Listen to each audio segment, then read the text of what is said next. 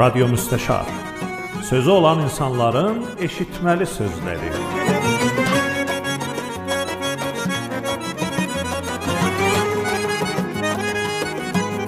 Dəyərli eşidənlər, salam, vaxtınız xeyir olsun. Mən Aydın Namdaram. Bura Radio Müstəşardır. Çox sevinirəm ki, müddətlər zehnimdə olan e, idəni bu günlərimə həqiqətə yapışdırırıq və çox sevinirəm ki, e, bu gündən bir proje başlayır ki, mənim nəzərimə gələcək nəslimizə bir irs kimi bizdən yetişəcəkdir. Çox qısa istəyirəm tozih verəm ki, əslən radio müstəşar nə mənədir? E, bu günlərimə Təbrizimizdə, Azərbaycanımızda və ya İranın başa-başında bizdən ayrılıb ayrı şəhərlərdə yaşayanların arasında bir seri insanlar vardılar ki, mənim nəzərimə bunların gələcək nəslə, həm bu nəslə, həm gələcək nəslə e, deməli sözləri vardı. Hünər sahəsində, iqtisad sahəsində, fərhəng sahəsində, ictimai hərəkətlər sahəsində e, bunların eşitməli sözləri vardı və çox xəvikdir ki, bu günlərimə bunların sözlərini eşitməyək və xüsusən bizdən sonrakı nəsillərdə elə bətər xəbərdar olmasınlar ki, bu günlərimə bizim torpaqlarımızda nələr yaşanır, nələr gəlib, nələr keçibdi. Bu əsasda radio müstəşar müntəşir olur ki, siz hörmətli eşidənlər tanış olasınız. O adamlarla ki, bizim dünyamızı daha yaşamalı bir yer eləyiblər. Adımızı ucaldıblar və aldıqları oksigendən artıq bir şeylər bu dünyaya tapşırıblar. Sözlərini eşidək, e, görək ki, zehnlərində nələr keçir, gələcəyi necə görürlər və e, yəqin ki, eşitməli bir seri sözlər olacaqdır. Bunları birlikdə eşidəcəyik. Bir balaca ara verək, qeydaq görək əvvəlki proqramın qonağı kimi.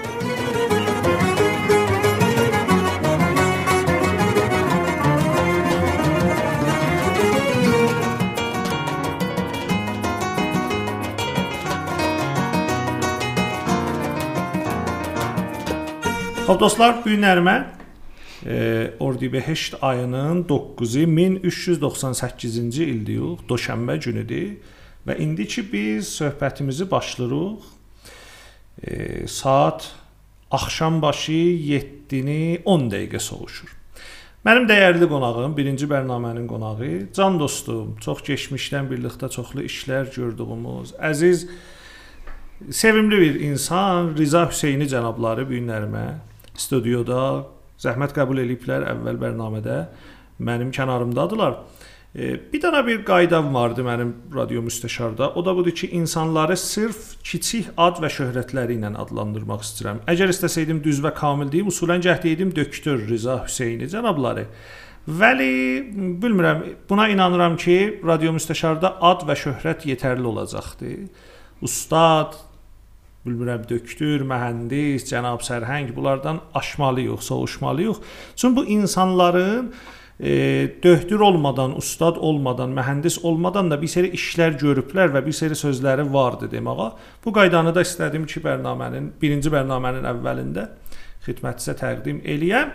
Xoş Rızacan çox xoş gəlmisiniz. Xoşunuz olsun. Sağ ol. Var olsun. Söz söhbət sizdə. Əgər özünüzü tanıtmaq istəyirsiniz, əlbəttə ki, sizi tanıyanlar az deyillər. Vəli özünü tanıdın ki, sözlərimizi başlayaq. Çox sağ ol.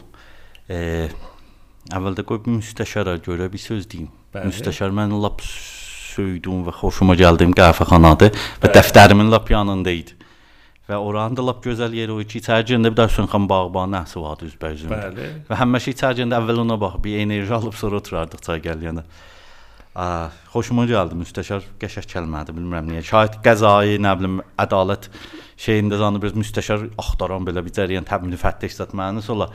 Gərçi biz də axtarırıq. Vəli bilmirəm qəşəng enerji verdi, bilmirəm, bilmirəm niyə. Ərz huzuruz mən Rıza Hüseyniyə bəy qanam. 58 Murdadın 12-si. Bəli. Təbriz elə burada bu dalıda Balahamamda dünyaya gəlmişəm. Türk Xiyavan uşağıyam. Bəli. Ərz olsun e, fərhəngi bir xanvadədə dünyaya gəlmişəm. Babam müəllim.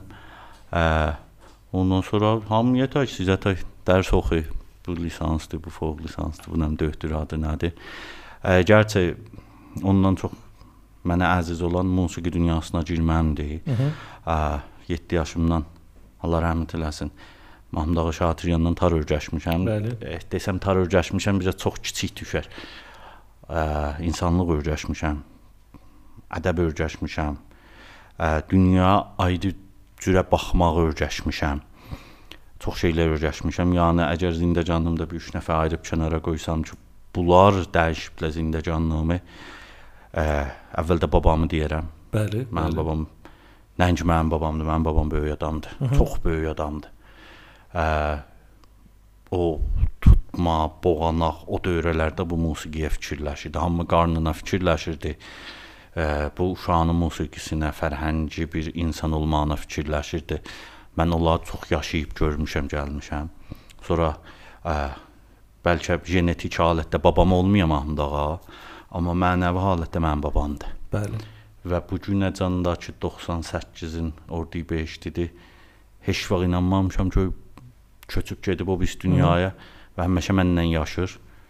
Ə, xatirələrimdədir, yuxularımdadır, yanımdadır. Rəsmən ehsas elərəm biləsən. Çox gözəl. Və ə, Mahmudadan tar örgəşmişəm. Olub yanımda böyük dostlarım, böyük insanlarla bizə Mahmudaq eləyir, böyük insanlarla düşmüşük. Hərədən bir qaşıq bir şeylər almışıq, yemişik, canımız işləyib, beynimiz işləyib. Və ə, təbiətən xop ə, dədə-nənə mühüm məsələdirlər insanda və buna mədyunam bilələrinə. Ə, ondan sonra ə, tar işləmişəm, ə, tə, dedim təhtar dəyir bir insanlıq məşq eləmişəm Mahmudağanın yanında. Və ondan sonra zindəcanlıq yola düşübdü. Elə tarla həmzaman dərsi də oxumuşam. E, mütərcim oxumuşam. Elə lisansımda, fوق lisansımda, doktorada e, mütərcim rəsmi qüvvəyə qəzaiyəm. İngilis və türkü eyni halda danışqahda da dərs deyirəm. Bəli. Çoxdandır 84-dən 3-dən. Hansı danışıqlarda? Vallahi elə hansı danışqahda mütərcim olub mən varam. Bəli. Əlbəttə indi çox azaltmışam. İndi təqribən demirəm həddində bir şeydir elə fəqət üçün vaqəən danışqahların vəziyyəti və sistemi yordu biləm. Vaqəən yordu biləm. İndi çox dəftərdə oluram, ə, musiqi işləyirəm və ə, tərcümə edirəm. Bəli. Kitabdan zaddan ki, çıxıb görmüsüz də onları belə. Belə də zindəcanlıqdır. Çox gözəl. Yaşırıq, müsibətin çəkirik, acı gündən yaşırıq, yaxşı gündən yaşırıq. Belə. Çox gözəl. E, mənim bir dənə əsası sualım vardı ki, təsmimim vardı bütün bura gələn qonaqlardan əvvəldə o sualı soruşum. E, bilirsən Rzacan, hər yoldan keçən radio müstəşara gəlməməlidir. Yəni biz Bir intiqab var. Hə, var, var, dəqiqən. Sənin nəzərində sən niyə burdasan? Bax belə deyim. Biz dövrəmizlə deyirik. Mhm. Yəni dövrəsiz insan, dostsuz insan mənim nəzərimə yaşamaz.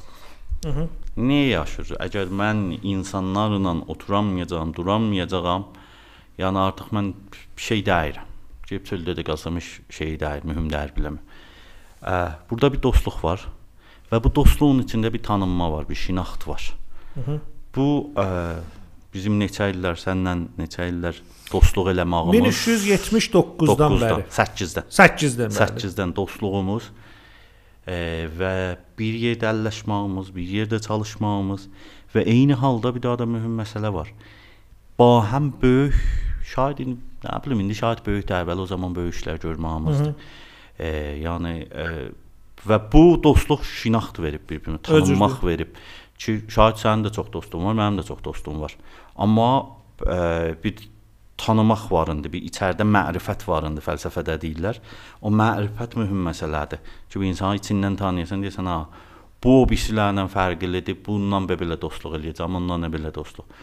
O tanımaqdır. Ki, mənim bu dostumun bəlkə sözü var deməyə. Mənim bu dostumun, mənim bu tanıdığım adamın bilirəm nə işlər görüb. Şayad bizim bizim bir bağlı cəmiyyəmiz var, daha çox şeylər heç bilinmir, yayılmır. Hı. Bəli, Bəli. e, huzur olmaq, ya o ki deyirlər, mövcudiyyət budur bizə aparır qabağa. Və fikir edirəm də ki, bunlar hamısı amildirlər, əl-ələ veriblər, çağırıblar. Təbiətən mundalsında olan hədəflər var ki, biz biz gələcək nəslə bir şey qoyaq. Çünki bəlkə bizə bir şeylər va hmm, irs qoyub gediblər. Bəli, Biz bəli. də bir şeylər qoyaq da gələcək nəslə ki, aparsınlar özlərindən, öyrəşsinlər, görsünlər. Çox gözəl. E, gələcək nəsl, həm mən sözlərimdə Hı. bu kəlməni işlətdim, həm sən işlətdin. E, doğrudan gələcək nəsli nə cür görürsən? Nə qədər ümidin vardı gələcək nəslə? İndi desəm bəzi şeylər vardı, belə deyim. Ə, bu Ozan Ozamız çox didərgin bir Ozadı indi. Vaqəən çox xarab bir Ozadı. İndi deyirlər bu da əfsürdəliyini gətdi bizə. Vallah.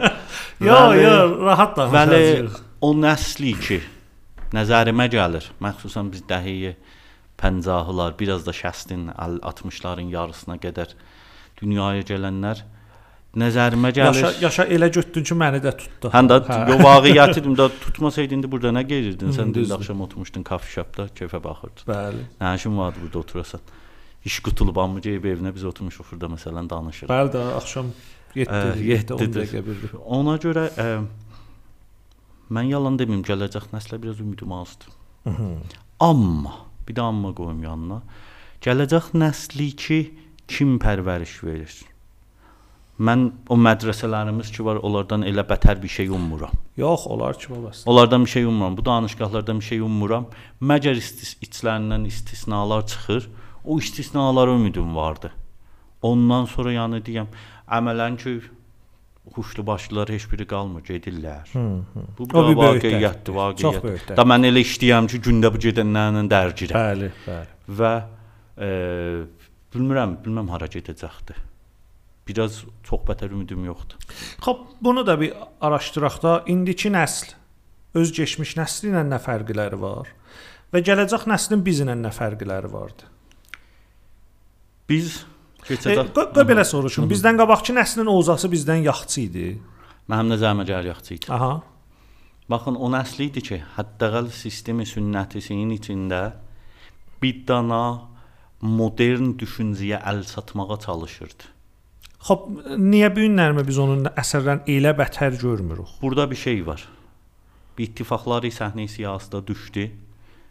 Bunları əbtər elədi. Mhm və onları ki, məsələn, indi bax qocalar, qarı qocalar qalır da, məsələn, düşürük, çıxırıq bilələrindən. Əmələn və bu ə, hakim vəziyyətimiz onlardan istifadə eləyənmədi. Birini parça hazırlarlar, birini qoydular kənara. O adamlar ki, biz onlardan bir şey, ə, baxın belə deyim bax, bizim nəslimizin müəllimləri ilə indinin nəslin müəllimləri müqayisə edir. O ki, əslən, Yaxşı, o adamlar da o nəsildən idilər. Hmm. Çoxu da müəllimlərdən bəli, idi. Bəli, bəli. Əmələn hamısını qoydular kənara və bir dənə boş fəzanın içindəyik. Mən həmişə bu söz deyirəm.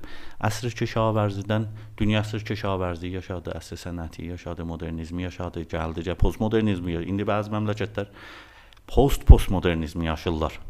Biz avangard dövrün yaşayırıq. Avangard dövrün yaşayırıq. Biz əsr keşavərzidən çıxdıq modernitəni yaşamadıq. Hı -hı. Təbiətən o yaşamasan postmodernizmdə yaşayanmısan. Və və postmodernin də ədasını çıxartmaq halındayıq. Aferin. Və bir daha köpüyün içindəyik. O köpük də bir yerdə patdır. Hı -hı. Baxın, ə, bir seri etiqadlar ə, da o mənim sənin düşündüyün etiqadlar deyillər. Yaxşı. Və bir tərəfə qəziyyədə də şayət belə dediyim, bu keçən nəsildən bizə gələn bir yoldur da, bir şeylər örgəşmişik. Gələn nəslə ə, e, mən hərdən deyirəm, onlar ə, e, bir dənə ə, e, kod nəsli idilər. Çox normal kod nəsli idilər. Biz yarı kod yazı, yarı sifriyəçik. Gələn nəsl sirf sifriyəç kod, sifriyəç insanlarıdılar. Hı -hı. Və Çox bu sifriyəç insanlara bilmirəm biz nə qədər bunlarla rabitə qura biləcəyik. Yəni ya özləri bir-birləri ilə nə qədər nəcür rabitə quracaqlar. Bunlar çox düşündürməli bəhs. Mən özüm biraz hərasana mücəriyəndən. Çox gözəl. E, Riza sənin çox çəkdiyin zəhmətlər hünəri sahəsində olubdu. E, hətmən Mahmud Şatriyan haqqında danışacağıq. Haray ansamblı haqqında danışacağıq.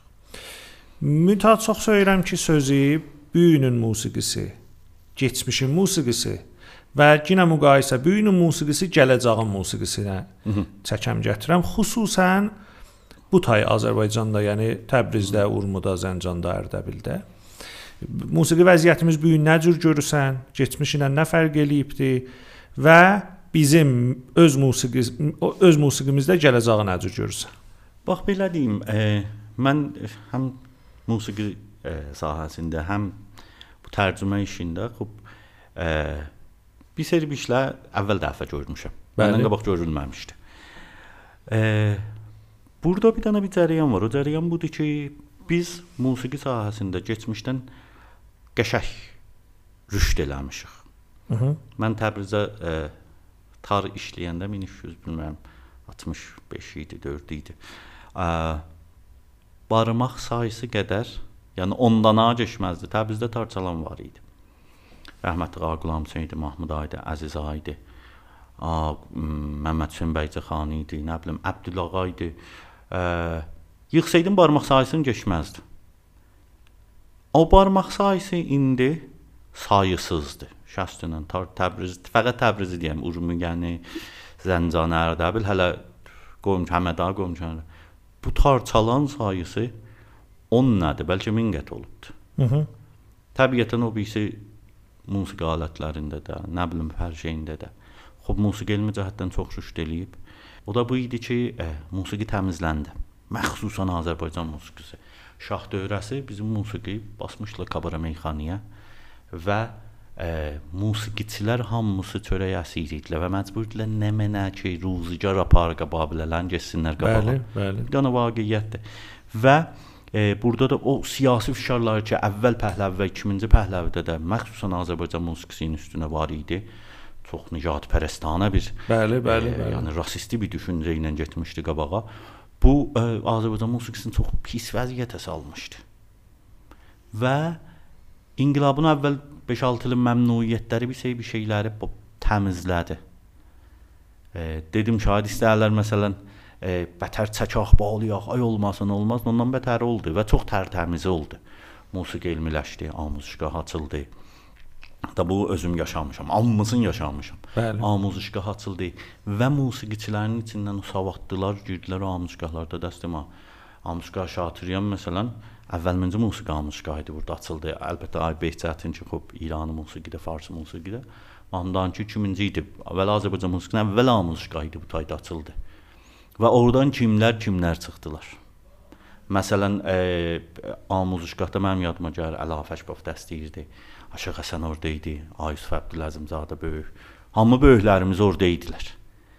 Və oradan kimlər çıxdı və nə məhsullu dövrə idi. Nə məhsullu dövrə idi. Və sonra xub təbiətən bu məxsusən 80-dan bəri bu çox ticariləşdi. Və bu ticariləşmə görürsüz, yəni Təbrizdə 80-90 da musiqi amuzuşgahı var. Bir tədada çörək ağacı olubdu. Vəli gün olanın içində vardı qəşəng musiqi şahidlər becərirlər, gəlirlər siyə. Təbrizin indi ə, milli orkestri var, filarmonik orkestri var. Fərqli-fərqli ansambllar var. Fərqli janrlarda rüşd edir.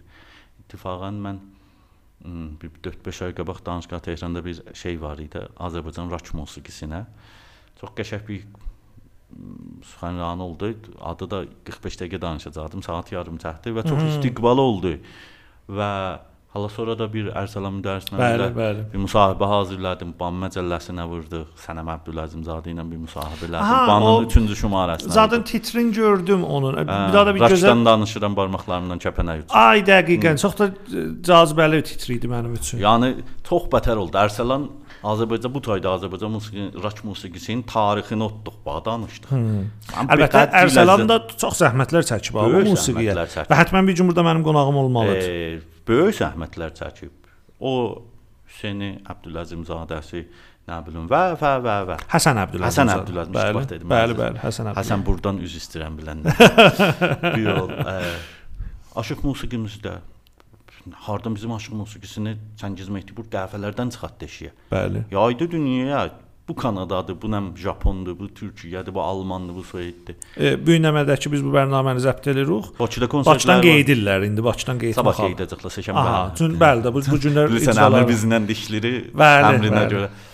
Və bu ittifaq bu ittifaq Azərbaycan musiqisində düşdü ki, şah dönəmi düşməmişdi. Qoymurdular da düşsün, amma demişdi ki, sən əlifi demə. Desən yığacan geyəcək. Və bu inqilabdan sonra əlif deyildi və bizdə yığacan geyəcək. Gedəcək. Əslən söhbəti yox. Çox gözəl. E, mənim belə bir Söz arası bir daha da sənin kimin ağlına gələrdi bir gün Təbrizdə Koroğlu operası Bəli. səhnəyə gedəcək. bəli, Kimin ağlına gələrdi Təbrizdə nə bilim Beethoven 5-ci simfoniyası çalınacaq. Bəli. Kimin ağlına gələrdi burada Belə-belə muğam oxuyanları çıxacaq. Bizim aşıq musiqimiz hardan hara gələcək? Bəlkə kaş bizim o böyüklərimiz diri qalıydılar. Bu günü mən həmişə deyirəm da, axı ölmək vaxtı idi, rəhmətliyin balası. Bu 15 ildə qalaydın da. Bəli. İndi qalsaydı 75 yaşı, 76 yaşı var. Qalaydın, görəydin hara gəldik, çatdıq. Belə. Özür. E, Riza mən belə düşünürəm ki, bizim gələcək nəslimizdə hər nə mənədə dalı getsək, musiqidə biraz ozamız yaxşı olacaqdı. Çün indi bu cür deyim, bizim e, bizim həm nəsillərimiz indi evlad sahibi olurlar. Hı -hı. Nə mənə ki bizə bülməyiblər. Yolu görsədə bilməyiblər. Onlara görsənir. Biz öz evladlarımıza gö görsədirik. Yəni mən indidən öz oğlumun üstündə bir zətlər bərnamə planlaya bilirəm ki, bu istəsə musiqi sahəsinə varid olsun və düz bir yol seçsin, nə etməlidir? Bu əsasda mən fikr edirəm ki, e, gələcək nəslimizin musiqi ovzası bundan yaxşı Bizdən olacaq. çox yaxşı olacaq. Necə ki, bu son 10 ildə hələ klassik musiqidəki özüm e, ondan çoxdur əlaqədar olmuşam. Görürük ki, biz elə uşaqlar boya başa çatıblar ki, yaxşı ahəngsazdılar. Dirijor ruh dövrəsi Dəqiqən. keçirdirlər. Cəhani sazlarda sözləri vardı danışmağa. Gördünüz də Nasir Cahan Aran şair. Şairdi bəli. Bakı, Bakı şərqin Viyanidir da. Getdi orada əvvəl çıxdı. Bəli. Yəni o qədər o gecə söyünürdüm ki, gözlərim doldu. Öcürdü. Keçən 2 həftə zət qabaq idi Əta İtminan Bakının Bəli. e, eşitdim. milli orkestri ilə gözəl bir piano ifası İfaz verdi. oldu. Hüseyn Səba mən əslən tanımırdım biləsən. Muğam Muğa, musiqisi. Nə gözəl oxur. Və ya e, Behrad Bunyadi dostumuz Bəli, Bakıda Behrad gözəl çalır, işləyirlər. Bu bu çox bu çox şeydir. Mən gələcək nəslimizə musiqi mövridində çox ümidvaram, amma bu nədir kitab yazıb oxumaqdır. Bu nədir düşüncəni genişləndirməkdir, dərinlətməkdir. Ora mən də bilirəm. Oradan bizlərə niyaranam. Mən də niyaranam. Xüsusən e, bu cür deyim, hala siz inqilabdan zətdən söhbət apardınız. E, biz boya başa çatanda bir dana bir təhacümü fərhəngi söhbət var idi. Bu dillərdə idi da bu kəlmə. Xatəmi dönəmi. Bəli, ki qoymayaq amandır təhacümü fərhəngi filan. Bu günlərmə baxırıq görürük ki, bax o təhacümü fərhəngi gəldi, bastı, apardı bax. Apardı, qutuldu. Siz bizim oğlanların ictimada giydikləri şalvarlara baxın. Hələ qızlarla işim yoxdur, xanımlarla işim yoxdur. Fəqət budur bax oğlanlarımızın geyinişlərinə, e, yaşam tərzlərinə baxın, görün təhacümü fərhəngi nə olar və bu vaqəən də mənim kimi bir ata atiyə evladım bu təhacümdən qorumaq bir dana əsən dəğdəğədir. Yəni Bəh dəğdə. Bəli. Bu yüzdən də axı bilirsiniz, e, siz işarə elədiyiniz kimi amuzişimizdə də da o çıxar yoxdur. Bizim sistem amuzişimiz vərşikəstədir. Bəli. Vərşikəstə kamilən C amuziş pərvərişimiz, C amuziş Abi alımız. dəqiqə. Dəqiqən biz baqqal tükə açmışıq. Bu danışgahı nəm nəmə nədir, bu nəm nəmə nədir addan deməyim. ad addan deməyim ki, bu vaqe vaqiət budur. Mənim öz riştəmdə o danışgahı ki, hər hansı Nə bilim 15 il, 20 ildir işdə var. Olan sən 3 dənə mütərcim verən məmsən işi. Vərşəstəsən də. Bəli, dəqiqə. Vərşəstəsən mütərcim verən məmsən. Axı ondan əlavədə e, mən bütün ustadlara hörmətim sonsuzdur. Havvəldə oturdu.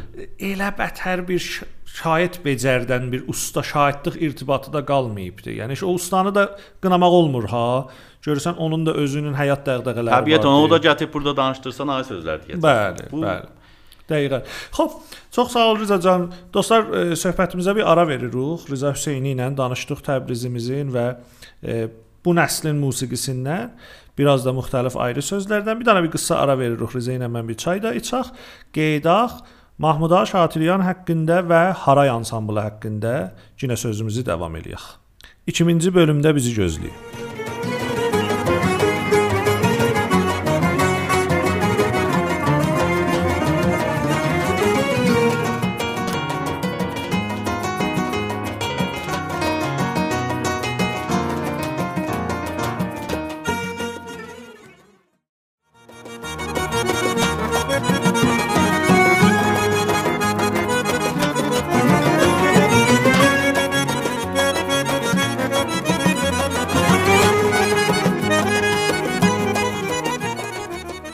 Dostlar, Radio Müstəşarın 1-ci epizodu 2-ci bölümə xoş gəldiniz.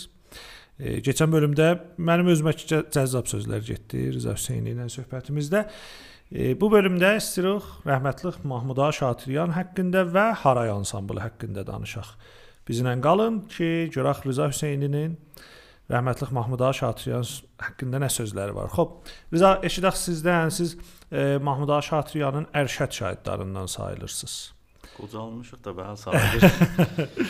e, Allah o kişiyə rəhmət eləsin. Allah Həqiqətən e, bizim musiqimizə böyük miraslar qoyub gedibdi və bu günlərdə çoxlarımız ona borcluyuq. Əlbəttə bilirsən, xop mənim elə bətər saadətim olmamışdı.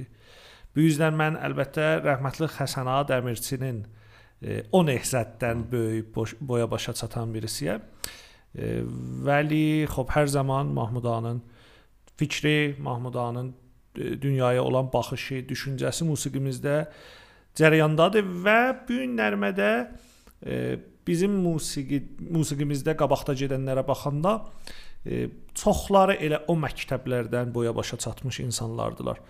Sizdən eşidək Mahmud Ağa Şatiryan haqqında. Mən biraz geycam çox qədimdən gəlib.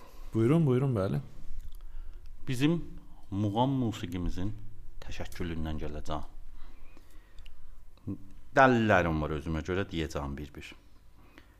Baxın, Azərbaycan tarix boyu ə, biz indi şərq musiqisindən danışanda, qədim şərq musiqisindən danışanda ə, əlimizi hara qoyuruq? Səfiyyəddin Nurməvi.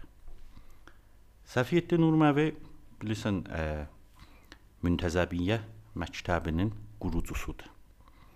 Mən onu həmişə o ə, oxuyanda məxsusən ə, Ədvarın və Rəsalə-i Şərəfiyyəsin bu adamın nə qədər qabaq bir insan olduğunu, nə qədər e, çağından qabaq, çağından qabaq və eyni halda nə qədər münəzzəm bir zehni olduğunu ki, qəşəng ad qoyublar məktəbə müntəzəmiyə, yəni sistematik.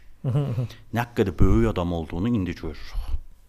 Bax, o rəsalədə ritmi ritmi yazıb, təbəqə bənd eləyib. Pərdələri, nə bilim, fasilələri. Baxın o ədvarın əvvəlində deyir ki, e, udun üstündə çox danışıb üçün o zaman təbiətən tar yox idi. Nə cür biz deyir xərə ilə, ənflə, moştun xərə ilə, əşa xərə ilə, üst xərə ilə arasını böləcək, ikiyə böləcək.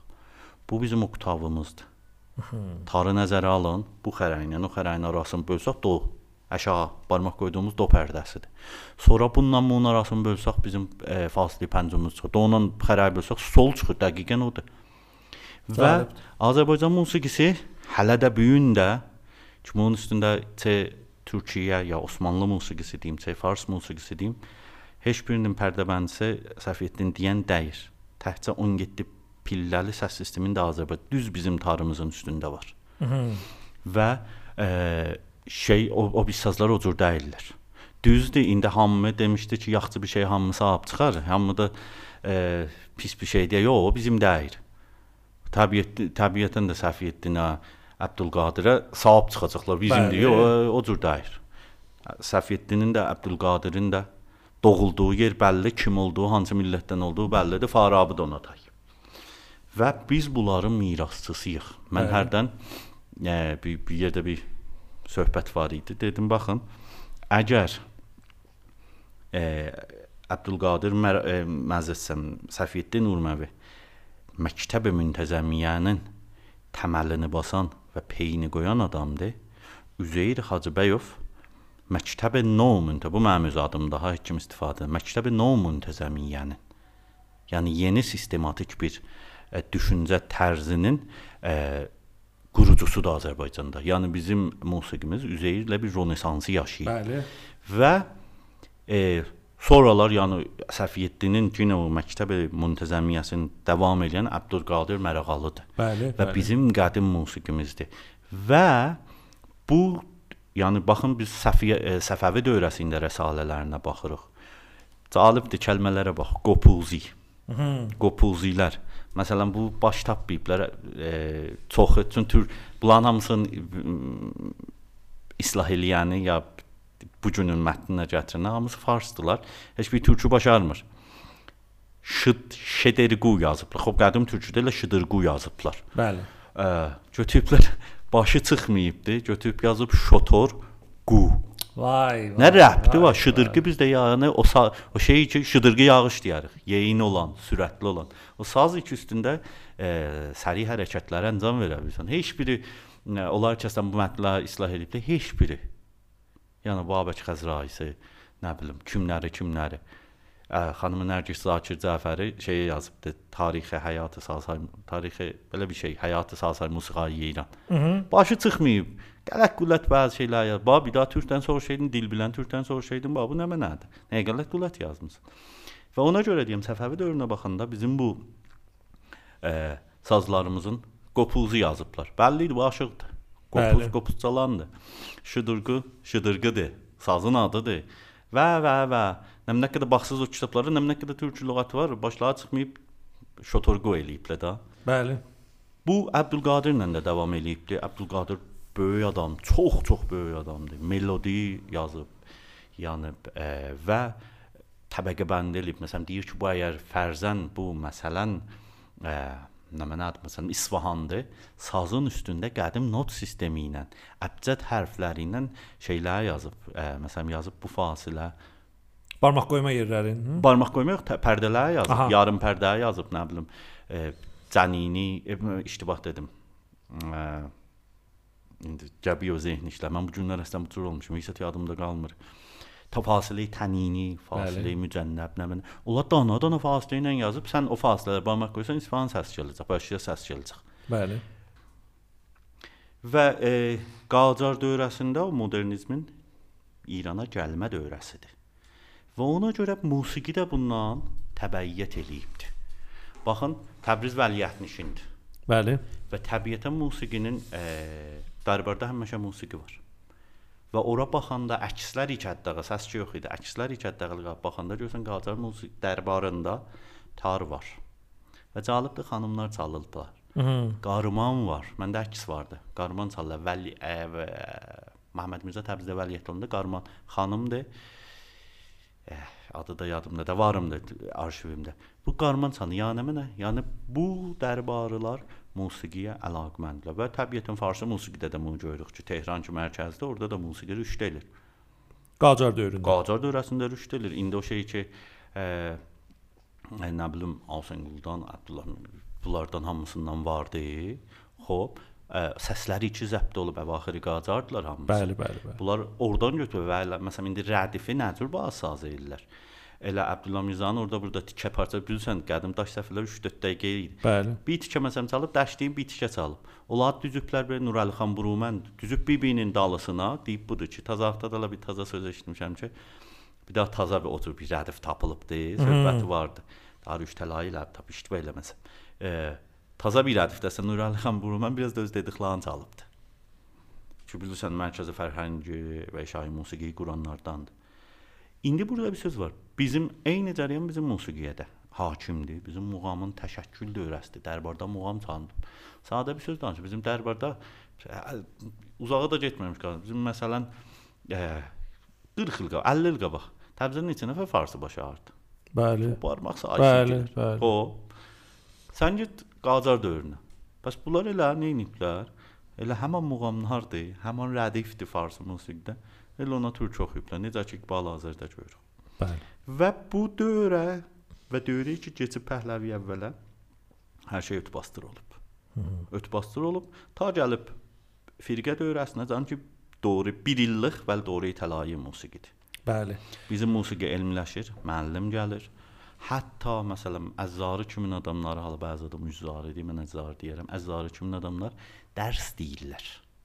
Bu Bəli. çox mühüm dərs demək, çox mühüm. Milli orkestr qurulur burada. Milli orkestr qurulur. əksindir. Və o bir dana, o bir il bizim musiqisinə, musiqimizə 50 il ta 64-lərə can atır qabağa. Bəli. bəli. Baxın Mahmud Ağa rəhmətlik gələcək ki, gəlirəm ora.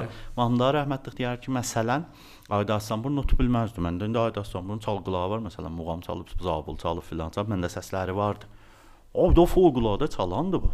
Fövqəladə müzisyendir. Not bilməzdi. Ta ki Aysəlimi Tehrandan gəlir ki, Təbrizin radiosuna, ə, Təbrizin orkestrin şeylər. Ay Dadsanpur gör ki, Aysəliminin not savadının qabağında, teorik savadının qabağında bu naz gətirir, çəkilir kənar özü. Bir müddət hətta rəhbərlik eləmir. Ə, Bu Ayfəş Bafa film işləyir, orada söhbət elədi ki, məsələn mən gördüm baba, Ay Dadsanpurdan çalırıq bu həftə. Təmrin edirik. Məsələn bu cavab ver. Gəlin həftə gəlirik. Aha, bu sözü bəli. E, gəlin həftə gəlir, ay Dadsanpurun yadından çıxıb. Bir də ay cavab çağır. Deyim mən oturum, deyim amma ulan notun yazacağam. Hmm. Oturdum, notda yazdım da gəlin həftə yadımızdan çıxmasın. Və Mahmud ağa Şatiriyəm bu dövrənin məhsuludur. Bu dövrənin adamıdır. Ki Mahmud ağa Şatiriyən əvvəldə ə, notsuz çalıb. Mənə xatirələr təriflərdir rəhmətlik. Notsuz çalıbdı və not bilmirdi. və notu sonra öyrəşibdi. Xoş, və bu bahis olub və bu düşüncəli o qədər adamı ki bilib öyrətmək olmasa isə yoxdur. Bəli. Ə, Mahmud Agildən qabaqçı nəsl öyrətməzdilər. Əgər Ağaqulun Hüseyn Bəycixanı tar öyrəşib, öz babasının şairindən öyrəşib. Zillidir, iştibah Rıza, Rıza Zabul Yazər. İştibah. Ondan öyrəşib. Çünki babası tez fot edir, ondan öyrəşir. Və kəma məsələn Əbdullah rəhmətli Yəni Əbdullah bir daha sol ver, Əbdullah barmağını qoydu, dı, dı, soldu. Qulaq solu bilir. Amma şeyi bilmir, not bilmir. Not bilmir. Mahmud ağanın böyük əməyi bu olub. Hmm. Ki o firqə dövrəsindən elmi musiqini çəkdi getdi inqilabdan sonraya. Və o dönəmin o tüfətüfündə Mahmud ağa cəsarət elədi amuzişqa açdı. Bəli. Cəsarət elədi amuzişqa açdı. Və bunu da bilirdi ki, amuzişsiz heç bir şey yoxdur. Böyük ustadlar da getdi ora. Dedi, "Ha, bu imkanat öyrədin." Bəli. Və nə mənənin içində, öz imkanatsızlığının içində. Hmm. Ev, xanıvadə filan çörək istəyir. Özür. Və onun içində tar öyrətdi. Tar düzəldən yox idi burada. Mən yadımsın xoydan necə getdik, tar aldıq, nə müsibətlə Təbrizə getdik, Sera Səlması, o Səlmas düzüyünü, o Pasqahın nə cür keçdik Allah bilir. Baba nə istəyirsən. Bunlar bir şeylərdirlər. Ə, hamısı göz qabağındadır. Yaşamışıq bunları. Bəli. Nə var? A, nə mənə ustam çalıb zəbt eləyibdi. Məsələn, zəbt eləmişik ki, evdə təmrin eləyəm. Bu Gəbiyo bu nə var tutsunlar səndən. Baba, nə heysət heç oxumağı da yoxdur. Və Mahmud ağanın böyüklüyü burdadır. Mhm. Əvvəl qabaqda gedəndi və düz qabağa gedəndi. İndi bayaq Amuşqa söhbət oldu, dedim bir bir deyə çörək ağacı olub. Düzdür, Mahmud oradan çörək qazanırdı. Amma bir dənə halal çörək ki, mən nə mənə istəyirəm onu öyrədim. Bəli. Verdiyimiz mənim yadıma gələr. Əvvəl aylığı ki vermişik 500 tümən idi. Qəbzlərindən saxlamışam. 500 tümən ayda 8 cələsiyə gedərdi. O dəfə 2 cələsə idi Amuşqa. Və e, vaxt olar, baba nə yarım, indi yarım saat da istəyirsən gəl. Bu əlbəttə mən özüm eləmərəm ha. Birdən şahid amma saat 4-dən gələr 8-əcən. Baba bu görə o musiqinin içində xərmən kimi bax, sorula göyə düşə, sorula göyə düşə, yata bu beyninə. Özür. Ə, mənimsəmək qəşəng bir feilidir Türkiyədə. Bəli, bəli. Bu. Ə, gəh mənimsiyə. Birdən görərdin orkestr qrup iftəsinə şeyi yox idi. İndi bir konsert qarqahım sürücüsünə pul alım, mən narahat oluram. Ay, Baba, o- şahidlərdən pul alır. Bəli. Bu yol. O zaman cümələri bizimlə idi. Sübh 8-dən oturmuşuq daimə rəkat çağırıq, nar saat 2-dir. Da özü deyərdi, gedək olmasa bir nahar yeyək gələk. Və bunlar idi, Amuşqa hamının ixtiyarında idi. Gəl, get, saz apar. Mam da mən bu saz aparım büyünlüğü, o ol apar fəqət gözətdə. Mhm. Ya bu bir, insan böyüklüyün harda, əl açıqlığın, böyüklüyün harda görəcək? Orkestr qrup biz uşaqları orkestra gətirdim. Mənim yadıma gəlir 1360 hmm, 8-in Bəhmən ayı. Bəli. Əvvəlinci konsert oldu inqilabdan sonra. Ayşə Əlimi böyük orkestrdən biz də uşaqdıq. Bala-bala səndəllər qoydular, otduq çaldıq. Sonra cəmaət belə qalmışdı. Keçən bir əksdə var o Var, bir çox həs var. Seda Simaya dağıtması arşivində qalırlar. Onlar üçün Seda Sima qoydu bunlar. Bəli. Və orada cəmaət əsən belə qalmışdı. Bu uşaqlar hardan çıxıblar? Məsələn, ne, neçə yaşımız var? Həmin o- 9, 10, 11, 12. Həmin o parçada tar aparıb, kaman çaparıb gətirən uşaqlardılar. Həmin onları- mütəkkəb parçasında. Dəqiqən. Məhtabı qutusu da bu qəşəngdir, məhtabı qutusu. Yox. Mənim heç yadımdan çıxmaz ki, məsələn, Azadələr qeydən ili idi da, ki 67 zəng 68. 67-də cəng qutuldu, bir il sonra Xurdad İmam öldü və 60 ə, həmin ilin şəhivəndə azadələr gəldilər ki, azadələrə də oxuduq. gəlmiş, bir tədad gəlmişdi konsertə məsələn, azadələrin və bir də tərəf 59-60 təsir olubdu. Neçələr. Xəbəri də yoxdur, Xəbərdə xəbərdə. yoxdur, xəbərdən. Gəldi, o nədir oldu, bir idi. Və birdən göz açıldı, gördü, aha, musiqi var. Və bu başladı. De gəlsin, bu nə bilim bu gün burada konsert, döyün orada konsert, idarələrin bərnamələridir, filandır, behmandır. Və bu rüşd elədi, rüşd elədi. O orkestr işlədik, bu orkestr cavanlığında işlədik. Nə, nə, nə, nə. Gəldi, çatdı 78-də danışqahın konsertinə. Bəli, bəli. Çünki mən artıq Bəs məsələn sən elə sözü gətirirsən daha Gətirirəm haraya ansamblına. Çox və gözəl. gəldi 68-də ki, biz əvvəldədik. Mən Mahmud Agildən ə, o orkestrdən ayrıldıq, özümüz orkestr qurduq. 78. Ə, 78-də və ə, 78-in Bəhməni idi Bəhməni idi. eləməsən. Bəli. Dəhi Fəcr idi. Bəli.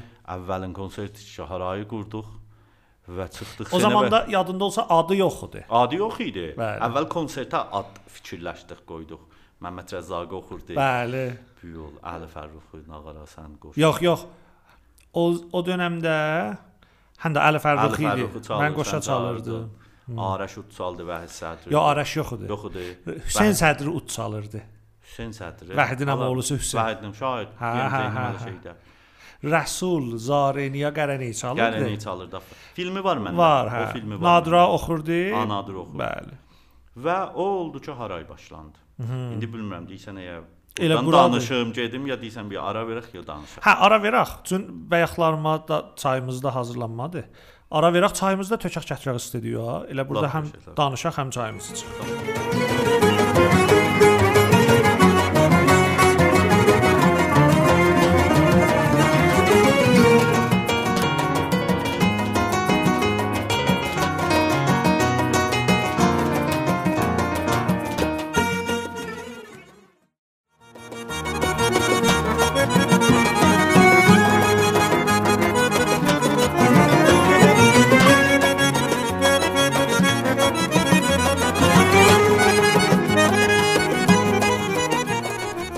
Dostlar, çaylarımız da gəldi studiyo. Söhbətimizin 3-cü bölüm bölümün başlayırıq Rıza Hüseyni cənabları ilə. E, rəhmətlik Mahmud Ağa Şatiryandan danışdıq. Söz gəldi düşdü Haray ansamblına ki, ara verdik çayımızı içək, indi qulluquzlayıq. Başlayaq da Haraydan başlayaq. E, bunu bir zət istəyirəm deyim Rıza. E, bilirsən də Haray mənim üçün əsən e, daha bir ayrı bir yeri vardı. Çün sizlər musiqini e, bir yerdə başlamışdınız, bir işləri də görmüşdünüz, sonra gəldiniz, düşdünüz haraya. Sən, Vahid, Vahid e, Sədri, Yaşa. Yaşar Şadpur, Araş Hacı İbrahim. Araş Hacı İbrahimi. Əlbəttə Araş sonralar Sonra qoşuldu haraya. Müntəha haray mənim üçün çox bir ayrı bir söhbətidir. Mən haraylı olanda, yəni harayı quran zaman mənim 14 yaşım var idi. Hə? Ya. Yox. Həm də 14 yaşım var idi mənim. E, odur ki, hər zaman haraydan danışanda, hər zaman harayın səsi gələndə, hər zaman bir ayrıları haraya danışanda mənim qulağıma yetişəndə əslən məndə bir gözəl hisslər oyanar. İndi də elə o hissləri mən də elə səndən birlikdə danışaq, paylaşaq. Qalsın bizdən ki, bu çağda haray ansamblı var idi, polifonik musiqidə nə idi? E, gözəl-gözəl ittifaqlar və mən mötəqidəm bu günlərimə əgər Təbrizdə milli ansambl vardı. E, Şayət əgər haray olmasaydı bu milli ansamblın quruluşu, quruluşu da bizlərə bir vaxtda düşəydi. Mən Filarmonikidə otururdum. Filarmonik düzdür. Əlbəttə buna da baxaq ha.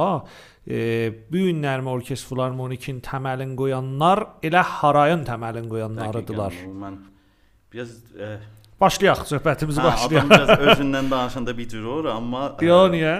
Dillə yekə düşər. Amma o sözü kamilən qəbul edirəm. Niyə? Haray ə, sirf bir dənə musiqi qrupu kimi qurulmadı çünki. Harayın dalısında Harayın dalısında bir təfəkkür vardı. Özürdür. Biz təfəkkürlə o harayı qurduq. Özürdür. Bəlkə o danışqa konserti yox. Amma sonrakı 78-in o icra ümumumuz konsertimiz ki oldu. Talar müəllimdə 83. 83 deyil. 83 idi. Yox baba. Ondan qabaq olmadı. Ya, oldu, bax, bir belə oldu. oldu. Biz 78-də bir dənə danışqa icrası verdik. Düzdür. Ondan 1 il sonra 79-da 3-4 gecə yenə danışqa icrası verdik. Xoş. E, əvvəl icramız Talar Vəhdətdə idi. Ondan sonrakı icralarımız danışgahın sinemasında idi. Sinemada da oldu. Hətta o zamanda pianonu Polad Kaşif Polad çalırdı çalırdı, dəqiqən. yadında olsa. Arta da taza dünyaya gəlmişdi Poladın oğlu. Aa, 83-də, fikrim 81-dir. Yox, sonra biz 81-də e, 81-də, 80-da, 81-də bizim təmrinlərimiz münəzzəm gedirdi qabağa. Və biz 10 gecə 81-də 10 gecə getdik Palaşgahda icraya. Afərin, afərin. Niyə Mənim biz cipim var idi. Ay yaşa, sənin cipin var idi və ox yoxya gedirdik. Yəni o ildə mən konkura baxırdım. Yəni mən konkur verirdim. Aferin. Bu söz 81 deyil, 80-ın bəhmənidir. 80-ın da heyfəcridir. Xo, Sonra bizim əlləşdiyimiz bu idi ki, ümumi konsertə hazırlaşaq. Allah səlamət eləsin. Həmid ağa Namvər o zaman bizlə oxurdu. Hı. Müntaha əncüməni musiqi nədənsə bizə mücəvviz vermirdi Hə, yadında yadımdadır, yadımda. Çox da çəkiş bərkişə Çox gir verdilər. Çox gir verdilər biləmizə. Nəhayətdə nənə ömür versin. Nəhayətdə gəldi yetişdi 83-ə Şayət. və bizim birinci konsertimiz Talar müəllimdə 83 idi. 3-dür. Tamam. Çünki məndə filmi var onun. Müntəha ola bilər ha ki mən 82 ilə 83 arasını çırıxam. Mən Mən- 81-dən mən- sonra idi Mən yəqin. sən bu günlər hafizəm eksat. Tamam. Görsən bir daha adı deyəndə də daha deyirəm. Bəli. Bu yol. O üçün təfəkkür əsasında quruldu. Oturduq, nə məniyə fikirləşdik. Bunu sənə demirəm ha. Eşidənlərə deyirəm. Eşidənlərə. Çay bala biz e, məni ki 64-dən 5-dən nə bilim 6-dan musiqi işləyirəm. Elə odur çalacaq biz. Oturun cavabları hazırlayaq. Bir nəfər 96-da da yavaş-yavaş elə biz də ondan sonra bu cür eləyəcək. Yaşar, Vahid oturduq. "Ab, Bunu bir dəyişək. Hı. Və təbiətən bizim orkestrdə hər qədim orkestrlərimiz o cürdə 7 daha tar çalan, 3 daha kaman çalan. Bizim orkestrdə hər sazdan bir dənə var idi. Günündə də çox əcib bir ittifaqıdır da. O niyə axı? Səncə çox qəvi nəvazəndə olasan. Bəli. Ki eləyə biləsən tək cavab bir orkestrə cavab verə biləsən. Çetari, nə bilim, kamançası, udi, Qarmanı. və qarmanı. Və oturduq, ə, Allah yaşa şadpur səlamat eləsin. Mənim Dəqiqə. Can dostumuzdur. Oturduq. Payı da çoxdur. çox çox. Musiqimizdə payı çox çox çoxdur. Əslən söhbəti yox. Və e, oturduq bunu şey elə. Bəlkə indi bir şəfahi tarix yazırıq. Bunlar sonralar bəlkə Bəli. bir kitaba keçdi. Burada bir ittifaq düşdü. O da bu üç oturağa bunlara tənzim eləyək. Hansı savadına? oxu, Vahid sən oxu, sən filan kitab oxu, nəm teori oxu, harmon oxu, mən oxu. Yaşarın da ozası o zaman yaxçı təridir be nisbət. Ha, bir zehni açıq idi. Oxum bizdən yaxşı oxumuşdu Bizdən Yaşar. qabaq idi. Ki əvvəl tənzimlərimizi Yaşar Bəli. elədi, sonra Vahid, sonra Arif. Sonra sən bir dənə də iş yazdı çaldıq, fantaziyanı Hə, fantaziya yazdı çaldıq. yazdı, çaldıq. Hərdən qulaq asarım. Çox güclü. Çox güclü şeydi. İndi qulaq asam o günlərdə bir səsini tapmışdım ki, pü, acab gözəl çalmışıq bunu. Yəni bəlkə və bu bahis oldu əvvəl dəfə burada nə mənə o e, adım sünnəti deməyim, biz sünnəti deyirik. Amma hala da İran modeli deyək musiqi sünnəti. O musiqidən ayrı bir səs çıxdı. Yəni sünnəti sazlardan polifonik səs gəldi. Ay hə, ayrı bir səs çıxdı. Heç özür yadıma əvvəl konsertdə Mahmud ağa yadında da senin dalısında Bəli. Ağa çıxdı Seynə bizə gül verdi. Allah rəhmət eləsin. Yeni gəldi dalda mənə fəqət bir kəlmə bu söz dedi. Deyib bu oldu ba. bu oldu ba. E, sonra da Əla Fəşbaf gəldi Allah Bəli. səlamət eləsin. Ay canım bu bel çox gözəl filan mənə. Ki bunlar ikisi çıxandan sonra eşiyə Yaşar birdən çığırdı. Olan bi- bi- biz İzo 9000 nə- o İzo 9000 nəm neçə aldıq. Bəli. Kimin bəli. gəlməmiş də onda. Hə, bir dənə də sözün Rizə yadında qalsın. Ondan mən bir xatirə deyim həmin gündən. E, gecəsi Yaşar mənə zəh vurdu. Bilirsən də yəni patlamış zut pəzidik da. İlləridir qoymurdular çıxaq səhnəyə. Və o gecə biz o gözəllikdə ifa verdik. Yaşar gecəsi mənə zəh vurdu. E, sadiqanə deyim, ikimiz də şoğudan belə ürəkdən ağladıq o gecə. Ürəkdən ha. Və indi də qeyd edirəm, baxıram görürəm çox böyük iş idi. Böyük şeydi. Çox çox böyük idi. Günə burada da deyim Allah Rəşid ağa danışdığını Aa, səlamət bəli, eləsin. bəli, bəli. Boynumuza haqq qoydu. Düşdü qabağa, Düşdü çoxlu qabağa, işləri o həll işləri gördü. Və ə, heç yadımdan çıxmaz. Mən o gecə toyda idim. Aha. Çıxdı. İcradan o- sonra da? Yox, qabaq təbliğat vaxtı. Həm də kim e, bizlər aparmışdıq. Təbliğat Mən yapışdı. Arəş Yaşar, Vəliyəstdə, Səng Fərşidə gecə sübh saat 4-də Hmm. qış dondurur. o dirəyə dırmaşıb. Mən bu dirəyə parça vurur. Əlbəttə qoy bunu da bax bir birər-birər yadıma düşürük. Sən Peykanıvı vermişdin Arəşə. Ta mən toydan çıxınca. Sən toydan çıxınca, sonra mənlə Arəş gəldik səni toydan götürdük. Afərin, nisvirahda, ay yaşa. Gəldi götdü. Poster yapışdırırıq, kiriş donur. O zaman müdir bərnamizat yox idi ki. Nə fəzai məcaz yox idi, poster idi, traket idi. Bala-bala deyir ki, olmasa özümüz əldə traket paylayaq. Həndə, hə, hə. Yəni heysət yox Zat idi. vurduq, parça vurduq, Yaşarın əlləri cırıldı. Əl cırılıb sabah konsert verəcək, axşamanca çalacaq bu. Nə vəziyyətdə? Mənim də bilirsən sinusitim o böyük çəkmişəm qaşlarımadan çıxmışıq. Əlimizə bir zərnə kirişdən dəyər əlimizə əlim donur. Həm yapışır, həm donur. Bəli. Bu vəziyyətdə o konsert. İndi bu günümə baxanda məsələn bizim İsfəndar konsertimiz oldu. Bəli, bəli. Şahid Moyinpur filan işi gör, Şahid Moyinpur. O da sağ olsun. Gülər üzündən. Bəli. Gülər üzündən. Yəni hisslənirəm, qataram, qarışdıram. o gün belə Bağışlayın da. Axı döhtürdə yaman deyə. Deyəm baba hislənmişəm də nə edeyim axı telefonda aslında. Və e, bu təfəkkürün əsasında və Allah Bəli. indinin məsələn Behnam banısına, Həmid Hiratına, Ruzi Cahaniyə, Aludəkiyə soğutuda. Yəni məsələn gəget poster var. Bilmirlər nə mənə. Bilmirlər yəni mənə. Bəli. Xoş. Və biz o günləri yaşadıq. De, de yavaş-yavaş əl alışdı not yazmağa, Bəli. tənzim eləməyə. Yaşar yazdı, Vahid filan. Çaldılar. Arəş yazdı. Əl əl şey elədi. Kompüter bərnamələr gəldi. Nə final Nə gəldi. idi? Encore-udu o Enkoruna. En, əldə yazırdıq. Tuvan bu qabaqçı tiray konsertimiz olacaq. Dedik bir məktəbədə dubara çalaq. Axtarım o partituru tapam tapamıram, bilmirəm. Əl yazısı idi hamısı. Hmm. Fikir elə o Məndə, məndə indi elə dəftərin kitabxanasında Yaşarın əl yazısı ilə Fantaziyanın qoşun ağara notları vardı. Qalır mən də saxlamışam. Hə, saxlamışam. Mahmud Adan zatdan da əslən saxlamışam hmm. bir də. Və ə, haray başları rüşd eləmə. Bəli. Sev uşaqları ki, işləyən biz təmrin adamıyıq. Bu gün gəlin uşaq sabah çıxacaqsa nə deyirik? 3 ay, 4 ay təmrin edirik. Harda təmrin edirdik? Ə, Arəş Hacı İbrahimgilin evlərinin üstündə. Sonra Həmid Ananvercin aşağıda. Yox, əvvəl, əvvəl Həmidan Anvərgildə işləyirdik. Sonra gəldik Aşağıda. Fəşqaqahın yanında təmrin edirdik. Maşınımız yox idi. Bir daha məndə cif vardı, bir daha Əli Fərruxda ağ peykan var idi. Hı -hı. Saz apar, saz gətir. Yoxdur bu vəziyyətinə indi haranamız uşaqlarla özün işi, gücü, maşını, Bəli. gətir. Yadımda da 2 maşına, 12 nəfər dolurdu, 2 maşına gedirik bərnaməyə. Bəli, dallara da saz. Hı. Hı. Və uşaqların bir tədadı xop bizlə yola gəlmədilər. Ya yola gəlmədilər, yola gəlməli. Ə, yola- Bəli, yolu gəlmədi. Yolu gəlməli, buyurursun. ayrıldılar. Saygızla, amma harayın o sabit üzvləri Araşdi Vəhiddi, mənəm, ə, Əli Fərruxdan adırdı. Çalmasam da mənə. Çalmasan da sənsən. Yerində durdu. Düzdür. Hmm. Və sonra yadında olsa o ki simfonik ayı Behruz Behruz Vəhid Vəhid yazı ilə yazır, bəli. quruldu. O adam çox böyük adamdır. Hörmətim sonsuzdur biləsən. Hə. Bura bir ayrı qədəm atdırdı bizə. Biz o ki simfonik görməmişdik. Hı -hı. O adam bizi bir pillə, 10 pillə Təbrizin musiqisinə apardı üstə. Bir gün mən dedim ki, ay gəlib Təbrizə. Nə dəstəyi filan Behman. Abi, kor kordan zətdən söhbət.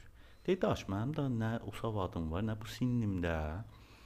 Nə əsər tənzim elə filan. O adam gəlib Təbrizin vokal musiqisini bir pillə, 5 pillə apardı üstə. Bizim kor var idi, neçə səsli korumuz yox idi ki. Həm də Gəldi apardı üstə. xanımlar ki elə o, o zamanacan haşiyədə idilər, Haşiyədə oxumazdılar. Mahmudların gücü çatırdı, xanımlar gəl, gəlsinlər, almışqatı öyrəşsinlər. Əvvəl orkes xanım orkesin qurdu Mahmuda. Lalə orkestri. Laləni qurdu. Sonra rəhmət Hüseyn ağa işlətdi, Hüseyn ağa, siyasət işlətdi. Allah rəhmət eləsin. Sen ağa Xudadatpur. Xudadadə. Xudadadə. Allah Sonra rəhmət as- Allah səlamət eləsin, ABC siyasət işlətdi. Hala mənim yadımdan çıxsa da öz dostlarımız Aytək Mütməyin, nə bilim, uşaqlar Nigar Əmiri. Əlbəttə indi indi o ansamblın qalmışları da gözəl işlər görürlər. Tehranda icra verirlər Tehranda icra verdilər. Hələ işim yox. E, bu e, bayaq o söhbətləri içələdi, haray təfəkkürün əsasında idi. Və Allah hansı orkes gedərnəm filan yerdə təmin elə, o zirzəmində təmin elə, burada təmin elə. İndi də o cursunadır. Biz konsertdən aidat elə bir şey olmur ki. Bəli, bilirəm. 3 ay edirsən, məsələn, konsertdən nəfər neçə verirsən? Daşlar çatasın ver 1 tümən. Axı 3 ay işə 1 tümən verirlər. Bu ozay vəhşətnak iqtisadi ilə. Benzini də eşqidir. bahalatsalar heç benzin pulu da tocuğu yoxdur. Benzin puluna tovucu yoxdur. Hələ bu eşqidir. Bəli. Bu eşqi də hər adam dərk eləməz. Yəni mən e, zindəcanımda bir ittifaqlar düşür. Adamlarla qarşım görürəm də, va, bu əslən düşünmür. Bu eşq yoxdur bunda. Bu bu, tərbiyyət istəyir. Bədəni çəkmir. Bədəni çəkmir, zehni də çəkmir. Həm də. Yoxsa, ka məsələn səfehsiz. Adım yox A, ay ay adam mənim özümə demişdi ki, "N- nə mənə qalır sənə? Sənə Nə? neçə qalır?" Və mən başa salanmırdım ki, qalmır, xəşli ruh və xəşləməliyik və gərək də xəşliyik. Yadında sazlara nə qədər pul verdi? Bəli. Yoxsa Tarbası nə gücü də Allah e, həmişə deyirəm Heydəranı Heydəra çox böyük adamdır. Hmm. Heydəra hadi həmişə dalımızda durub, həmişə iş öyrəşmişik biləsindən. E, nə müsibətlə o tarbası. Tarbası düzəltdi? Əvvəl tarbası idi burada biz düzəltdik. Yoxsa və bu ittifaq nə, nə oldu? E, əgər haray büyünləmə haraydı, o ki senfoncu qoşanda bayaq elə Vahidi Azər dedim ki, sonra olmadı o orkestr aldı. 2000-ci orkestr senfonik qoşulanda harayın uşaqları idi. Əli Fərrux idi. Mhm. Araş idi. Hərəbi saz Şahın məclisi idi. Bəli. Hərəbi 2000-ci saz getdi aldı. O günün o vəziyyətində nə horn aldılar. O o buva, Yaşar o buva aldı, sən özün faqot aldın, nə müsibət. Və orkestr senfoniki orada qurulanda yadında əvvəlicə Tehrana getdik. Şəhriyarın Bəli, buzurqdaşı. Şəhriyarın buzurqdaşında ki, bizim o e, fars oxuyanımızda qoydular kənara. Ay Bəli, Muxtabat bəli, gəldi, bəli. xalis xaric oxudu. Bəli. Bu deyəcəm mən burada Bəli, ki, düzdür. gəldi bir dənə sol diyezi tutanmırdı. Elə gəldi solda. Yaşardan nə qədər hiss suç səhv Heç dursa ki, bizim oxuya qoydular kənara Muxtabadı gətilə. Bu da bunu oxumadıq, falş oxudu, getdi. Piyol. E, və orkestrin təməli qoyuldu. Bəli. Və Yaşar Kamançadan biraz orkestrdən e, deməyim ayrıldı. Yaşar həmişə bizim yanımızda. Dedi bu yolu gedim. Özürdür. Bizim tarixi musiqimizin əvvəlin orkestr simfonikidir. Bizim tarix musiqimizin əvvəlin rəhbəridir Yaşar. Bəli. bəli. Və e, gücünə salıb bu işləri görəndir Yaşar. Bu heç kimə isə de, deməsinlər. Deyəm, ola bilər ixtilaf səliq ola biri çalmaya, gedə kənara. Biri sən özünün ixtilaf səliqini çalmısan. Vəli bu nə sənin böyüklü vəskildə, nə Yaşarın. Əslən. Sən sən bu ta, sən bizim az bu tay Azərbaycanın əvvəlin fəqət çalanısan. Yaşar əvvəlin o bu çalanıdır. Özürdür. Araş Şahın Məclisi, Əmir Mütəllibxan əvvəlin horn çalanlardılar buranın. Mən mən əvvəlin tarçalanıyam ki, o ki senfonikdə. Mən Aydın Şatiriyan, Aytək Mütməyin. Bəli. Əvvəlləri bax, oturmuşuq orada Koroğlu operası çalmış, overture çalmışıq. Yaxçı. Və bu ə, bu cavan nəsil bunları bilə ki, nə müsibətlə o kəs filarmonik orada e, sevnu şabə cəvələnib, buna buna ay, o ay, pandüslər ay, ay. senə çıxdılar. nə müsibətlə uşaqlar saz aldılar. Bəli. İndi o ki senfonikun borcundan xərcindən timpanisi var. O müsibətlər də yaşağın boynundadır. Uşaq Araş İsmailin boynundadır, o bisin, bu bisin Özürdür, boynundadır. özürdür. Və bu təməlini haray qoydu. Buna heç kim isə deyənməz. Da tarix silənmərik. Ya özürdür. Və o bu bir tərəfə qəziyyədən harayın uşaqlarının səhmin deyirəm. Haray ə, fikr edirəm barış orkestri ilə bərabər. Bəlkə bizim bu tay Azərbaycan tarixinin lap uzun ömürlü qruhlarıdır. Özürdür, bəli, bəli. Qruhlarıdır. Xo Məsudun barış çox dəyişilib, fərqli-fərqli. Sonralar da Araz oldu, Rəhim Və Rəhim. Şəhriyar sonra Araz gəldi, bəli. Vəli biz lap ömürlülər, uzun buracan yəni keçən konsert İsfəndlər bizim 20 illiyimiz idi. O e-maili də mən yazdım da. Yazdım. Yazdım Ben 20 il, Instagramımda. 20 ildir bu orkestr işləyir. Hmm. Və başımıza bir oyun gəlməsə, ömür iyi olsa, İnşallah, inşallah. İşləyəcək. Hmm. O hara işləyəcək. Olub da haranın tərkibi hərdən dəyişib, fərq eləyib, Onun, işləyəcək. onun mo- moridində də danışacağam ha. Yəni e, mən mötəqidəm ki, haray bir dönə bir dana bir e, dəstəndaza düşdü. Dəstəndaz dəyirdi. Dəstəndaz mən adını dəstəndaz qoymuram. E, mən onun adını bu cür qoyuram. Bizim uşaqlar gəl biraz dəstəndaza düşəydilər Aha. və görəydilər ki, mən dəstəndazı yaratsam, bu dəstəndaza bir də miyambor vurarlar gedərlər. Hmm. Rock danışıram. Və e, Ha, ha, ha, gedər. Bildin mi haranı deyirsən, nə deyirsən? bildim. Gedər bu. Bu bu təfəkkür əsasında qurulub. Buna xatirdə gedər dənə söz E5 var, mən bu qazanı qoyacağam. Hmm, getdi. Vəli o tərkibi sazı ki dəyişildi, mənim nəzərimə okey dəyirdi. Bir konsertimiz ə, Hüseyn ilə Hüseyn də bizlə Oxtu Hüseyn Mələkə dostumuz, ə, mən onu çox söydüm. Hələ də hələ çox adamlar da söydülər. Və fərqli işlər gördüm. Bax siz gitar gətirdi saraya. gitar gətirdi, gətirdiniz. gəldi. Fərqli bir iş çıxdı. o. Fərqli iş çıxdı. Hətta yadımdadır ki, paltarlar da dəyişildi, Paltarlar da oturduğu dəyişdi, səndəl ha, də dəyişildi. Ayrı bir iş gördük. Fərqli bir iş gördük və çox da qəşəng çıxdı. Qəşəng də alındı. Yəni 2 gün biz nacını full satdıq. Soldat oldu, 3-cü istirdik açıq. Sən çayı içərkən mən bir dənə söz istəyirəm deyəm. Biz e, Heydər Hadıdan söhbət apardıq. Yeri gəlir bir nəfərin də adını aparaq. Rəhmətlik Əli Cavadpur. Onun da bizim musiqimizin haqq, bo- boynunda çox haqqı vardı. Mən yadımdadır ki, mən əvvəl faqotumu almışdım. Bunun handresti yox idi. Əslən kökündən yox idi sazın handresti.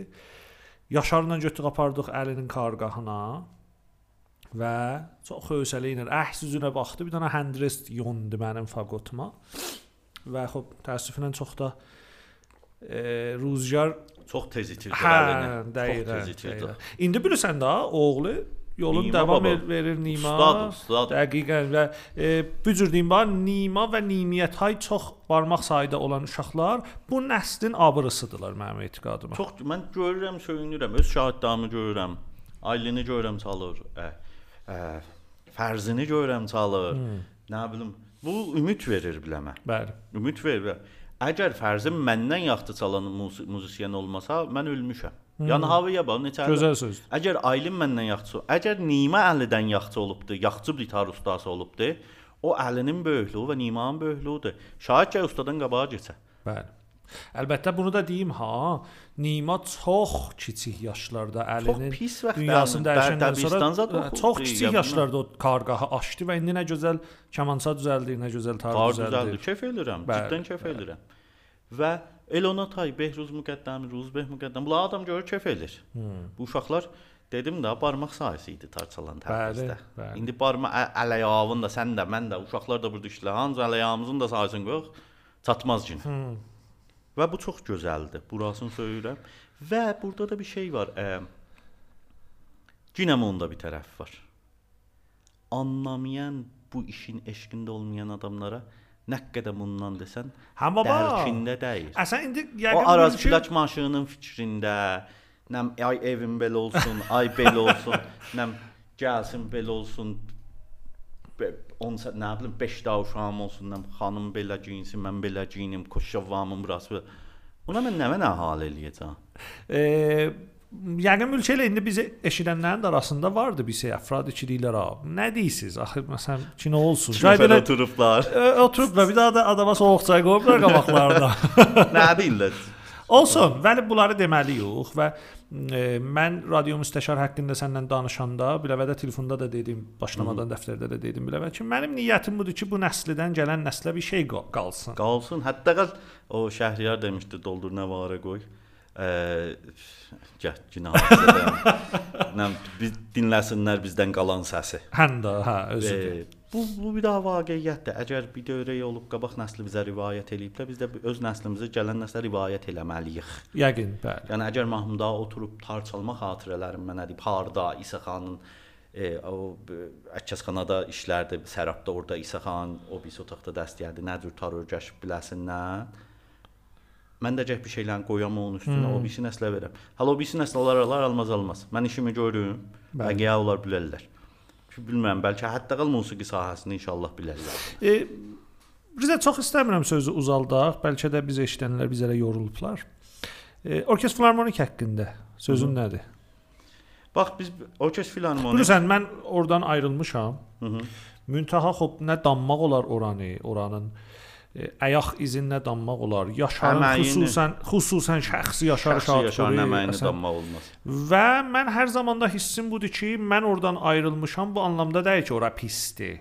Xeyr, o Sən demişsən yol bir yola gedə bilmədik. Nə ki yola gedə bilmədik. bir yola gedə bilmədik. Bəli. Və burada da bir şey var. Axı biz dostuq. Hə, ətmən. Bəli. O şey qəşəng bir söz deyir. Deyir Müslüm Maqamayevla Üzeyir Hacıbəyov iki nəfəri piloxoru şalvarla bir dənə idi.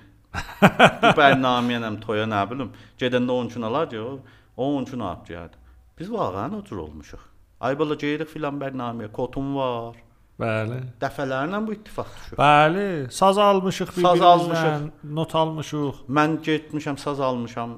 Məsələn, e, ya, yaş o zaman yaşanan qarqa. Yaşar dəstə çəkim yoxdur, bir daha çəkimcəli vermir. Baxmadan boş Bəli. çəkimcəli vermənə. Ya o bir uşaqlar o zəhv ay olan belədir, belədir. Bu dostluqdur, bu məhəbbətdir. Mən bəşlə Buy buy buy. yadımdadır mən 5 il Türkiyədə döktürə orada oxudum. Bəli. Mən orada tapamam bunları. Hmm. Ürəyim məxsusən əvvəl 2 il əslən getmədim İrana. Mən bunları tapamadım orada. Dostum var idi, bunlar dəyirdilər. Arəş dəyirdi, Nadir dəyirdi. Əli getdi soyda, getdi. Əli dəyirdi. Bunlar, bunları mən tapamam, tək qaldım orada. Musiqi dişlirdim. Yaxşı, amma o şey ki istirdim o dəyirdi. Və nəticə bunu çox söyürəm. Yəni belə deyim, mən təmrinə gedirik. Hmm. Bilirsən də, durmuşam Ha, qabaqda 12 nəfər hərfəyi musiqiçini idarə edirəm. Ay təmrin edirik abi. Çətin işdir. Bəli. Yaxşı. Əsabım da yorulur.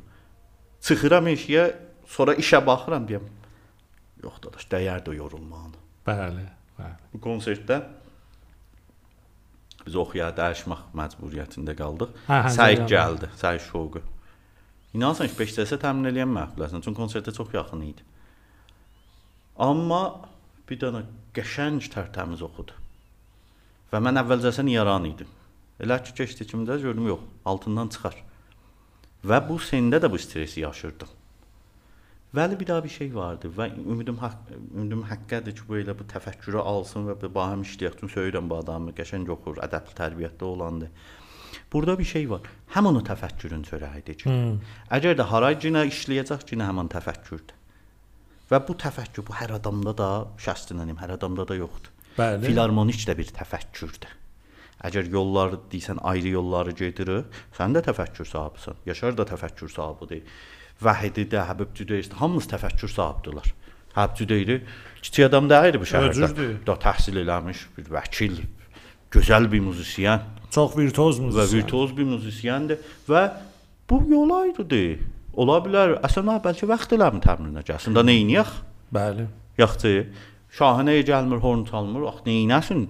Daha məmləkətin damız eşidi, işi var, gücü var, ya ramin ona tay. Məmləkətimi döydürüdü və şahid əsən olmur, vaxt eləyənmir.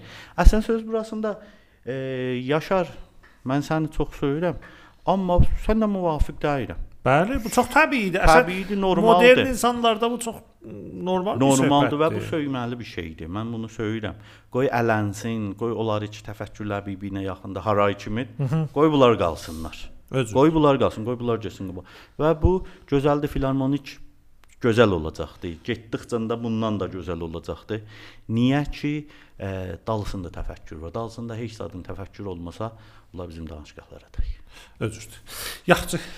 Çox sağ ol Rızacan. Bir dana biz indi 3-cü bölümümüz oldu 25 dəqiqə. Baxdı. Söhbət şirindir. Biz Şirincə. neçədə başladıq? 7-10 dəqiqə keçirdi. Hə, indi də saat 8-ə 9-a qar 20 dəqiqə. 9-a qar 20 dəqiqə. Söz şirin gəlir. Söz şimdi gəldi. Yaxşı, mənə çox yapışdı. Əgər sən son sözünü də bərnaməyə Ümidi deyirsən. Məkkədi müstəşar ə, radiosu uzun ömürlü olsun və İnşallah. yaxşı bir arşiv yığaq bizim nəslidən, musiqiçisindən, yazıçısından, mütərcimindən. Ümidi Məkkəbi gün gələk tərcümədən danışaq. Hə nə olar? Çox da gözəldir. Uşaq musiqisindən danışaq. Mən uşaq musiqisinə Hə sən bir gözəl əsər çıxartdın. Mən- Eyvanda tar çalıram. Mən 80-da bu tay musiqisində əvvəlin uşaq musiqi albomunu çıxartmışam. Tikə parça var idi. Çaldıq da, zəb. Əlbəttə Zəb- mən çalmadım o Hə, əsərdə. nə Uşaqlar müsibətdə çaldılar. çaldıq. Nə müsibətdə Vahid Vahidin otaq xabına, dər duvara. O zaman studiyo yox idi təbii. Balışlat yapışdırdı zəb. Bağlı şey patu, patu astıq. Enkorla, nə mənə ilə arif zəbt etdi. Cetaydiyola zəbt elə. Nə varın çıxartdıq, ay yayıldı. Bəli. 3-cü çapa getdi. İndi 4-cü çapa Nə gözəl, gedəcək. nə gözəl. Və sonra dubara Səhəndlə və gözəl qızımız ə, Parmisi ilə dubara zəbt elədik hər şeyi. Və bu əvvəl dəfə idi mən bu işi gördüm. Ümidim dedim bir gün gələ tərcümədən mən əvvəl işi əvvəl ə, Azərbaycan türküsünə Avropa dillərdən tərcümə mən eləmişəm. Çox gözəl. Və ümidimə bir gün oturaq tərcüməyə görə danışaq. Film həttəmən. film sazı gələ. Hər qardaşlar gələ bura oturasız. Nə keyfi var idi getdiniz məsələn Fransaya. İndi məsələn o gün kömür filmimiz getdi. Cəsvay. Bunlar gələlər, danışalar, müsibətlərindən danışalar. Mən çox şeylə müsibətlər danışmadım keçən bir Həm də uzaq çox hə. uzatmayım bir Təbrizin qədim musiqiçilərindən ə, müsahibə elirdik, film yığırdıq. Bir daha bəh bir söz dedi. Deyəcəyim kimə deyim ki, 1360-da Seda Siman xanı hay sazmanlısından gecə saat 2-də mənlə 3 uşağımı qoydular xiyavan qırana ki, Amma musiqiçi e, burada yaşayırıq. burdan burada yaşayanmaz. Geyim ki, gedək kimə deyək ki, Ağlamsın Bəycə xanını Seda Simanın içindən xana azmansından çıxartdırdılar. Ə, aylığını kəsdilər. Mhm. Hətta hələ danışırıq bu və e, səni sağ ol. Bu bir arxiv olsun. Hamı ziya mən ziyalı deyirəm. Ziyalılarımızda. Yo, sən ziyalıları yap başda gedəsən. e, olsun, arxivimizdə qalsın, fəzai məcazımızda qalsın, eşidilsin. Cavanlar eşitsinlər. E, eşitsinlər burada nə keçib. Onlar ki bizə deyirlər səfəksiz. Hmm. Bilsinlər bizim bir eşqimiz var. Desinlər də bizdə bizdə bu yox. Hər kim söyür, söysün, söymür də o da onların yoludur, getsinlər də. Sən də sağ ol və xub yapışdı ki, səni də gördü Yaşar Rza mənə də çox yapışdı. və kef elədi, xeyst. Çox sağ ol. Sağ ol, sağ ol. E, hörmətli eşidənlər, Radio Müstəşarın birinci epizodunun sonuna çatdıq. Rıza eşqidən danışdı. Mən yeri gəlmişkən istəyirəm Həsən Ağa Dəmirçidən bir beyt şeir oxuyam və bərnaməni qurtaraq. O da budur ki, deyir Dəmirçi, eşqə düzgün qalmayan alçaqdan alçaqdır. Bu eşqin yollarında qoy qurulmuş darə eşq olsun. Dedin şeiri bir ində mən deyəcəm. Hə, hə, həttəmən. Demir o Ayman Uçet Əziz bir e, 54-53-də bir konsertdə bunu oxuyub uşaqlıqdan zehnimdədir. Adət bünadır, ay yerinə gün gecə gəlməz. Gər cəzbəyə eşq olsa, Gətirirəm, gətirirəm, necə gəlməz. Çox sağ ol Rıza. Sağ ol. Hörmətli eşidənlər, sağ olun ki, Radio Müstəşarla varsınız. Əl-ələ veraq paylaşaq bunu. E, hər hardakı fikir eləsiz, biriləri vardı ki, bu sözləri eşitmək dərdlərinə dəyər. Bekardır və istir bir şeylər versin. Əl-ələ veraq paylaşaq. E, mənim əsl amacım budur ki, bu nəslidən gələn nəsillərə bir arxiv qalsın. Görsünlər nələr yaşamışıq, nə etmişik. Bəlkə onlar da bu söz söhbətlərdən öz yollarını tapsınlar. Mən Aydın Namdar, bura Radio Müstəşar. Çox sağ olun, var olun. Gələn görüşlərədək Allahın pənahında Xuda hafiz.